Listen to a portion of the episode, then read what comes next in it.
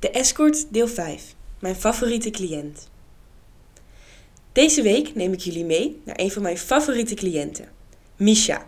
Een Amerikaanse man met donker haar, groene ogen en ruwe handen, waarmee hij mijn lichaam bespeelt alsof ik een piano ben en hij Mozart. Ieder half jaar is Misha in Nederland. En iedere keer komt hij mij een weekendje opzoeken. Die weekendjes zijn de beste van mijn leven.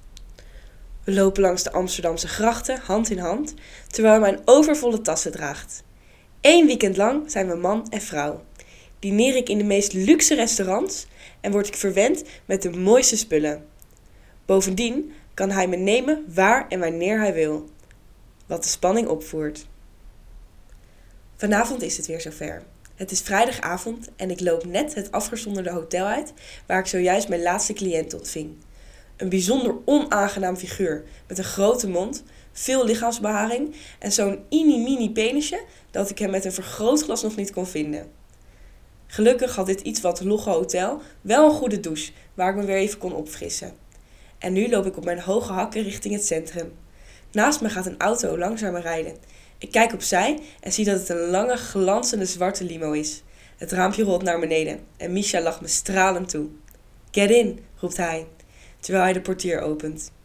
Dankbaar stap ik in en we rijden richting het hotel waar ik met hem had afgesproken. Misha heeft ondertussen al één hand in mijn nek en één hand tussen de knoopjes van mijn blouse. I've missed you so much, mompelt hij, terwijl hij me lang en innig kust. Ik ruik zijn heerlijke aftershave en verlang meteen naar meer. Met één beweging klim ik op zijn schoot en laat mijn inmiddels open blouse van mijn schouders glijden. Hij streelt mij in mijn zwart kantgehulde borsten en ik laat mijn hoofd kreunend in zijn nek vallen. I've missed you so much more, zucht ik sexy, terwijl ik zie hoe hij hunkerend zijn lippen likt. Hij pakt me vast en legt me met mijn rug op de leren bekleding van de limo. Hij drukt op het speakerknopje dat in verbinding staat met de chauffeur en zegt: Let's drive for another 15 minutes, Bill. Ik voel hoe de auto naar links afslaat en kijk naar Misha die zijn ogen op mij laat rusten. I want to fuck you so bad, fluistert hij. Bij wijze van een antwoord stroop ik mijn rok en slipje naar beneden en laat ik mijn vingers even naar binnen glijden. Misha likt mijn vingers gulzig af en laat zich vervolgens tussen mijn benen zakken. Binnen no time zie ik sterretjes en kras ik met mijn nagels in het leer terwijl ik probeer het niet uit te schreeuwen. Misha tilt zijn hoofd op, grijnst naar me en maakt zijn broek los. Zonder aarzelen stoot hij zijn heerlijke stijve lid in me en voert het tempo al snel op.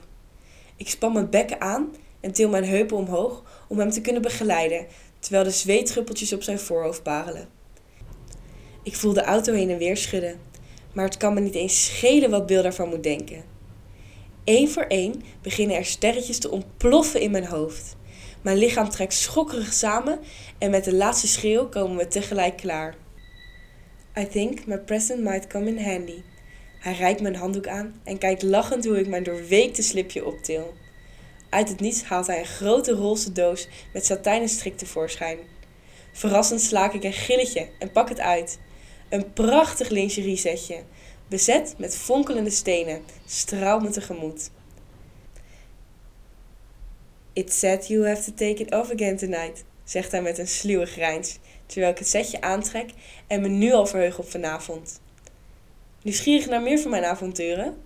Volgende week woensdag verschijnt het zesde deel, waarin ik vertel over de ontmoeting met een oude bekende.